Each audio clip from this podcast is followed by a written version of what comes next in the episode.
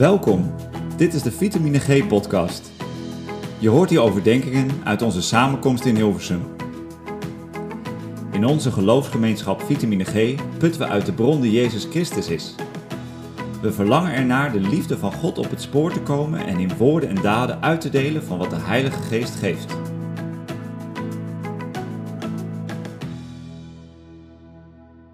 Ik heb een, een startvraag voor jullie. En ik had volgens mij al zoiets op de website laten zetten ook. En de startvraag van vanochtend luidt van vanmiddag.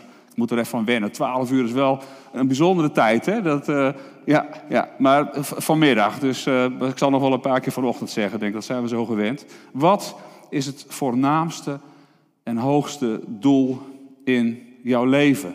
Is er iemand van jullie die daar zo even een antwoord op wil, uh, wil geven? Die dat, die dat aandurft? Wat is je wat het voornaamste doel in jou, in uw leven? Is er iemand die uh, daar eens wat van, uh, van wil zeggen, iets zinnigs? Nou, zeg het eens.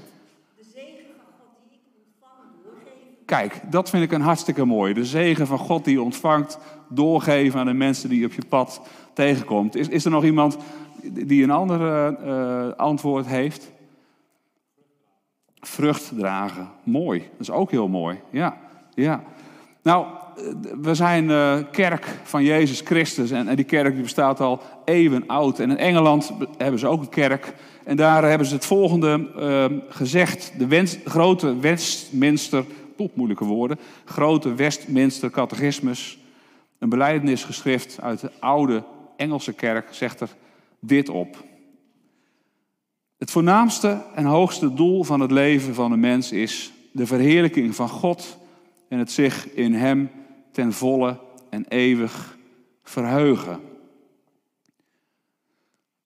Het lijken twee doelen, maar in de, in de vraagstelling staat één doel, een enkelvoud. En in een beetje hedendaagser Nederlands zou je kunnen zeggen: Jij en ik, we zijn gemaakt om God te verheerlijken door van Hem te genieten. En in dat verheerlijken, in dat genieten, geven we het allemaal door. Vrucht dragen en we geven die liefde en die kracht van God daarin ook door. Zo heeft onze God het bedoeld toen hij mensen op aarde zette, toen hij mensen maakte. We zijn bedoeld voor een prachtige, een heerlijke, een intieme relatie met God. En met elkaar. Maar als je de Bijbel leest, en daar lees ik wel eens in, dan lees je al heel snel hoe het allemaal misging. God maakte mensen, God zette de mensen in perfecte harmonie neer.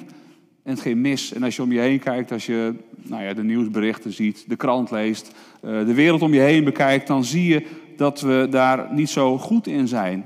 In het aangaan van relaties, in het onderhouden van relaties. Niet met God en niet met elkaar. Dat vinden we heel lastig.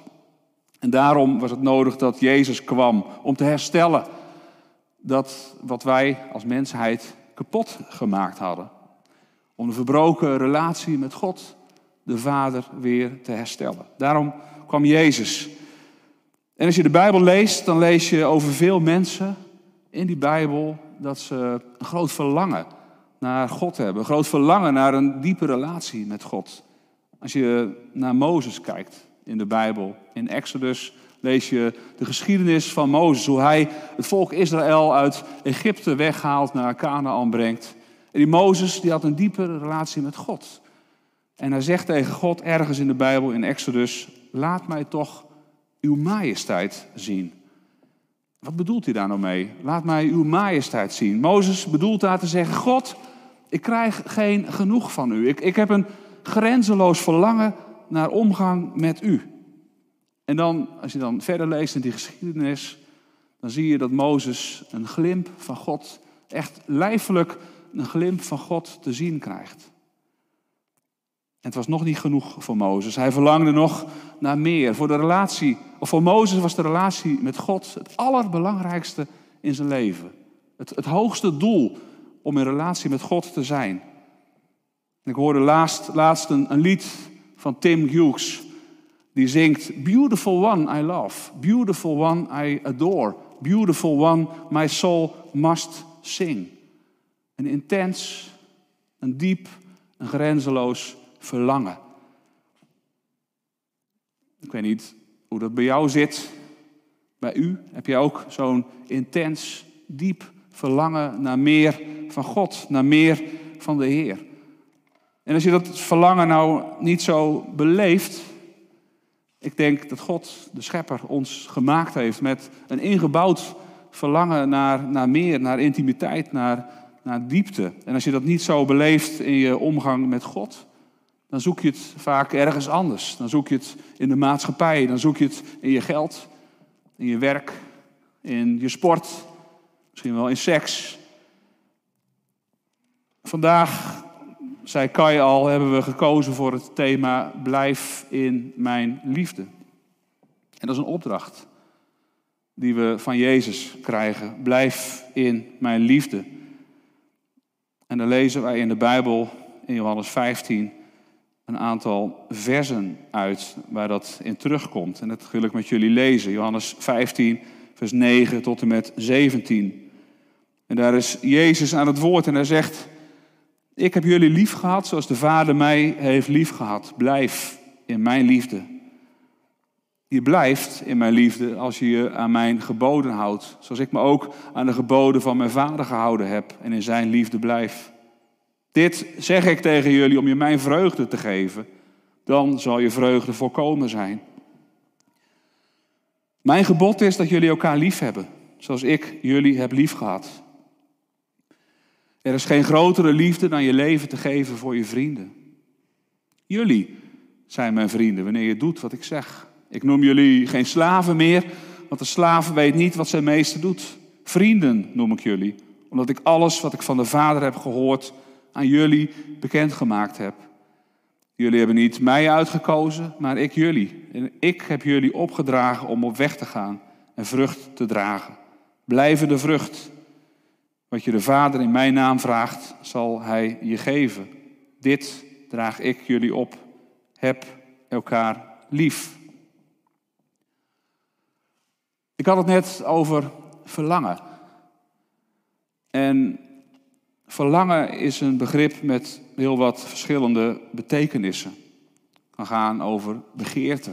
Vaak heeft het dan iets, iets seksueels in zich. Het kan gaan over een heftige behoefte aan iets, aan rust bijvoorbeeld. Als je heel erg druk bent in het leven, dan verlang je naar rust. Het kan ook iets zijn van, van hopen, hopen op betere tijden. Zomaar wat begrippen die je in dit verband kunt noemen. En een heel mooie betekenis van dit woord verlangen is iets wat past bij het verlangen naar God zoals Mozes dat had. En dan kan het gaan over dorst. Ik hou van hardlopen. En als je aan het hardlopen bent op een beetje een zomerse dag, het is warm, je bent je waterflesje vergeten, dan heb je een enorme dorst na een tijdje. Dan wil je opgeven, want je wilt water drinken. En heb je een sterk verlangen naar water. Dorst. Ik stel me voor dat Mozes verlangen naar Gods aanwezigheid in zijn leven zo groot was als dorst op een hete dag in de woestijn. Mozes, hij kon niet meer zonder God. En toen lazen we net in Johannes, eeuwen na Mozes, Jezus was daar aan het woord. We komen hem daar tegen samen met zijn leerlingen. En Jezus is in dat gedeelte onderweg naar de allerlaatste fase van zijn opdracht, van zijn leven hier op aarde. En Jezus is bezig met zijn afscheidswoorden. Hij bereidt zijn leerlingen voor op een periode van, ja, dat hij er niet meer bij is, dat hij fysiek niet meer bij hen is. Zijn dood aan het kruis zit er aan te komen, zijn opstanding zit er aan te komen. We hebben het allemaal gevierd de afgelopen periode. En zijn hemelvaart komt in beeld. Aanstaande donderdag, dan is het zover. Maar die leerlingen van Jezus, die discipelen die met Jezus optrekken, die weten nog van niks. Die lopen met Jezus mee, ze zien wonderen, ze horen zijn woorden. En ze denken dat het misschien wel altijd zo zal duren. En drie jaar lang hebben ze intensief met Jezus opgetrokken. Drie jaar lang hebben ze lessen van hem geleerd. Veel wonderen gezien, fantastische dingen van de aanwezigheid van God meegemaakt. Maar de belangrijkste les moet nog komen in deze fase waaruit we net lazen. De kruisdood van Jezus. Het moment van definitief afscheid nemen komt er echt aan. En dan is Jezus aan het woord en hij houdt een van zijn laatste toespraken voor zijn leerlingen. En dan roept hij hen op om dichtbij die boodschap te blijven die hij steeds verkondigd heeft. En daarmee heel dicht bij hem. Als je vandaag of deze week nog een keer tijd hebt, moet je de rest van Johannes 15 ook maar eens lezen. In het eerste gedeelte zegt Jezus, blijf in mij. Dan blijf ik in jullie. En dan spreekt hij met hen over hoe, hoe dat te doen en wat daarvan dan de gevolgen zijn. En dan heeft Jezus over geloof dat vruchtbaar is. Net klonk hier vruchtbaar leven. De vrucht van alles wat God geeft. En een vruchtbaar geloof, zegt Jezus, zorgt ervoor dat God de eer krijgt. Een vruchtbaar geloof eert God. Als jij een vruchtbaar geloof hebt, dan eer je daarmee God. Als je leeft met Jezus, als je je houdt aan zijn woorden, aan zijn daden, dan eer je God met jouw leven. Maar hoe doe je dat dan? Hoe, hoe breng je dat in de praktijk? Hoe pas je dat toe? Als jij het gevoel hebt dat je met God leeft, als je het idee hebt dat je dat allemaal al doet, dat je God eert met jouw leven, hoe weet je dat dan? Als ik jou de vraag stel, heb je een goede relatie met Jezus? Dan antwoord je misschien wel volmondig, ja, ik heb een goede relatie met Jezus. En dat is mooi. Jezus zegt, blijf in mijn liefde. En dat is een prachtige opdracht. En er zegt er ook bij hoe je dat dan doet. En dat vinden we handig, dat vinden we praktisch. Praktische lessen, praktische tips voor een gezonde relatie met de Heer. Jezus zegt in vers 10, je blijft in mijn liefde als je je aan mijn geboden houdt. Zoals ik me ook aan de geboden van mijn vader gehouden heb en in zijn liefde blijf. Dat zit wel goed. Denk je misschien bij jezelf. Ik, ik praktiseer dat allemaal al. Ik ben zo sterk verbonden. Ik heb zo'n groot verlangen naar de aanwezigheid van God in mijn leven. Er komt niemand tussen. Maar Jezus gaat wel heel ver in het liefhebben. Afgelopen week ontdekte ik op enig moment dat het vandaag moederdag is. Ik was dat een beetje vergeten. Kai noemde het net ook. Al die kinderen die de deur uitgingen net, die hebben misschien vanochtend wel moederdag gevierd. Misschien ben je wel getrakteerd op een beschuitje met aardbeien in bed. Alles nu onder de, onder de aardbeien en de suiker en de beschuitkruimeltjes. Maar die lieve kinderen die net de deur uitgingen, hoe ver ga je? Hoe ver ga je in het beschermen van jouw kind? Of hoe ver ga je in het beschermen van je lieve partner?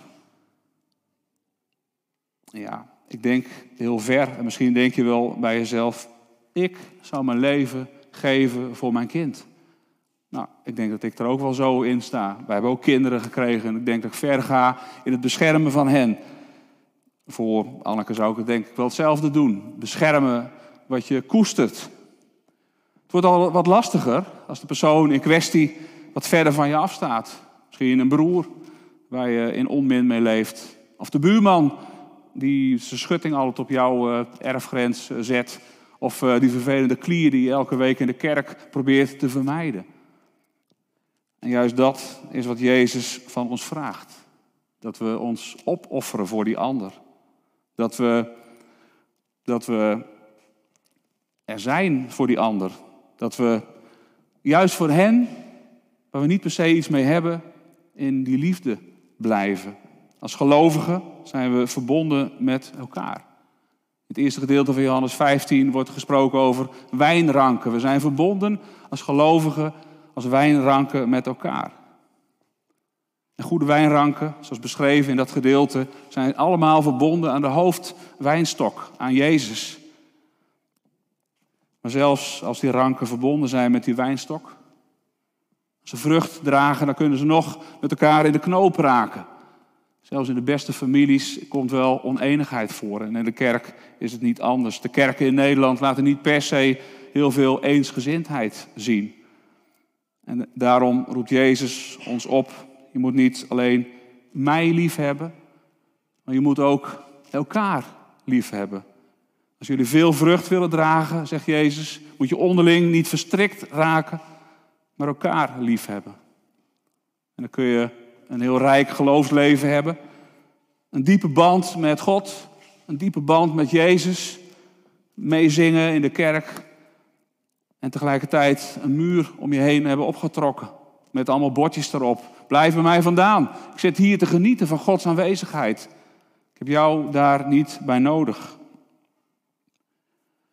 Maar dat is niet de weg, zegt Jezus. Jezus zegt, de ultieme liefde houdt stand tot in de dood.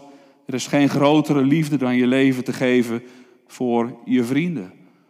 En dat is wat Jezus praktiseerde toen hij op aarde was. Door zijn dood aan het kruis. Op Goede Vrijdag hebben we dat herdacht. Dat is allemaal nog niet zo lang geleden. En gelukkig hoeven wij niet zo ver te gaan, normaal gesproken, als dat Jezus dat deed. Maar zijn opdracht blijft wel staan. Blijf in mijn liefde. Maar hoe dan? Hoe, hoe maken we dat dan praktisch? Nou, dat is best wel simpel. Als je je voorbereid hebt, verheugd hebt op een avondje voetbal of lekker Formule 1 kijken en de bel gaat en er staat iemand vanuit je geloofsgemeenschap op de stoep, die heeft dringend hulp nodig. Ja, dan kan het zomaar zijn dat Ajax op tweede plan komt. Sowieso een goed idee, denk ik. Maar de liefde, zoals Jezus die bedoeld heeft, is, is kostbaar, is opofferend. Mijn leven behoort jou toe en dat kan heel ver gaan. Jezus liet zien dat dat zelfs tot in de dood kan gaan. En hoe zit het met het gevoel van veiligheid hier in de gemeente? Hoe is de liefde hier onderling? Voel je je vertrouwd bij je zussen en de broers hier in de gemeente? Ik kreeg in de aanloop naar deze dienst van Kai een heel stuk toegestuurd. En er stond de visie van vitamine G in. Ik ga niet vragen wie dat uit zijn hoofd kan oplepelen. Maar ik zal hem even, even lezen. Vitamine G wil een geloofsgemeenschap zijn waar mensen, jong en oud, de liefde van God, de Vader, ontdekken. Waar ze groeien in toewijding aan Jezus Christus, de Zoon, en in woorden en daden leren uitdelen van wat God, de Heilige Geest, geeft en doet. Dit willen we doen in afhankelijkheid van God en in gebed. De identiteit van vitamine G wordt gekenmerkt door gerichtheid op dezelfde bron, Jezus Christus, en de toewijding aan Hem. Wat een mooie woorden. Wat een mooie missie. Wat, wat mooi als je zo geloofsgemeenschap kunt zijn. Een krachtige opdracht om de liefde van, van Christus te delen met elkaar en met de mensen om je heen. Blijf in mijn liefde, zegt Jezus. Dan heb je het over vertrouwende liefde. Vertrouwende, vertrouwende liefde is bereid om dingen in vertrouwen met anderen te delen. Zonder te oordelen, aan te horen wat de ander jou toevertrouwt. Daarna te luisteren. Daar misschien mee aan de slag te gaan. Maar ook de veiligheid voelen om aan anderen te vertellen wat jou bezighoudt. Hoe je in het leven staat. Wat er gruwelijk misging in je leven. We gaan zo meteen nog een mooi lied zingen die ik ook tegenkwam. Het lied heet Geen afstand. En delen uit die tekst die, als ik ze hoor en, en lees, dan blijven ze hangen. Het gaan, gaat over God die niet bang is voor mijn vragen. Mijn twijfel schrikt u niet af. U deinst niet terug bij het zien van mijn falen. Daar in mijn zwakte zie ik uw kracht. U bent niet verrast als ik struikel, niet boos of teleurgesteld. U tilt mij op en toont mij uw goedheid. Daar in uw armen vind ik herstel. God, u strekt zich uit naar mij, wat ik ook doe, wat ik ook voel. Er is geen afstand tussen u en mij. Er is geen schaduw van omkeer bij u te zien. Er is geen afstand tussen u en mij. Zometeen gaan we dat, gaan we dat zingen, gaan we daarnaar luisteren. Wat, wat een krachtige woorden zijn dat over hoe God naar ons kijkt. En als Jezus tegen ons zegt, blijf in mijn liefde, dan kijken wij dus ook zo naar de mensen om ons heen. Jezus begint in dit gedeelte te, te praten en dan noemt hij ons zijn vrienden. Geen slaven, geen dienaren, nee, zijn vrienden. En alles heeft hij met zijn vrienden gedeeld. Lessen geleerd, zijn leven gegeven.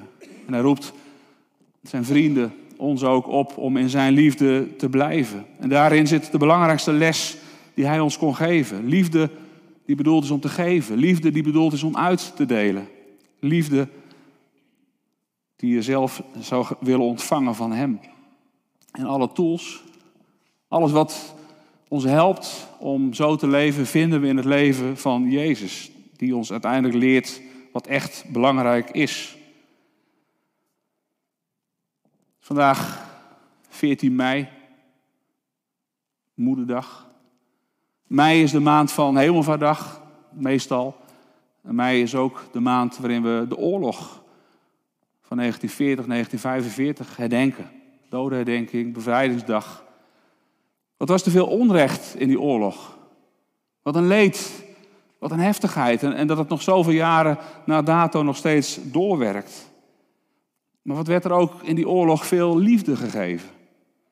Ik vond een prachtig voorbeeld uit de Tweede Wereldoorlog van iemand die de boodschap van gevende liefde had begrepen. Iemand die zijn hart gaf, die uiteindelijk zijn leven gaf uit liefde voor Jezus. Ik vertel je het verhaal van de rooms-katholieke priester Maximiliaan Kolbe.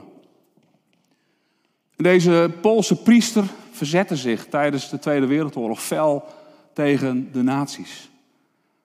Op 17 februari 1941 pakten ze hem op, de nazi's. Ze maakten een definitief einde aan zijn werk. Maximiliaan Kolbe werd opgepakt om uiteindelijk naar Auschwitz te worden gedeporteerd. Die zomer van 1941 ontsnapte er een gevangene uit het concentratiekamp Auschwitz. En de SS veroordeelde tien willekeurige personen tot de hongerdood in de beruchte barak blok 11. Een van hen was Frans Gajowicek, een vader van vier kinderen. En wanhopig smeekte die man om zijn leven. Ik heb kinderen, ik heb een vrouw. En Kolbe, de rooms-katholieke priester, besloot zich op te werpen als plaatsvervanger. En hij stapte naar voren en zei tegen de SS: Ik ben een rooms-katholiek priester. Ik ben al oud. Ik heb geen kinderen. Ik heb niemand. Neem mijn leven maar in de plaats van zijn leven. De SS-commandant ging akkoord met het voorstel van die priester. En samen met de negen andere veroordeelden werd hij opgesloten in ziekenbarak blok 11. Dagenlang hoorden passanten Kolbe zingen, bidden, medegevangenen bemoedigen. En als SS-bewakers voorbij liepen, zagen ze hem op zijn knieën zitten in gebed. Of met andere mensen in datzelfde blok in gesprek. Na ongeveer twee weken, 14 augustus 1941, bleek dat nog vier van de tien gevangenen in leven waren. De kampbewakers gingen blok 11 binnen en dienden de overlevenden een dodelijke injectie toe. Volgens getuigen stierf Maximiliaan Kolbe met een gebed op zijn lippen. 47 jaar oud. Hij gaf zichzelf als een offer naar het voorbeeld van zijn Heer, Jezus Christus, en liet daarmee het hart van God zien. De Bijbel, het leven van Jezus. Ook de gemeente van Jezus Christus laat ons zien hoe Gods hart is. Jezus laat het op de ultieme manier zien. Maximiliaan Kolbe had het goed begrepen. En we hoeven het niet allemaal op dezelfde manier te doen, maar het is wel een heel mooi voorbeeld. Hij liet in zijn leven, in zijn sterven, de liefde zien waarin hij tijdens zijn leven ook bleef. En hij volgde zo zijn Heer. Blijf in mijn liefde. En dat is ook mijn oproep voor jullie vandaag. Als je het leven, de nieuwe week weer ingaat, blijf in zijn liefde. Amen.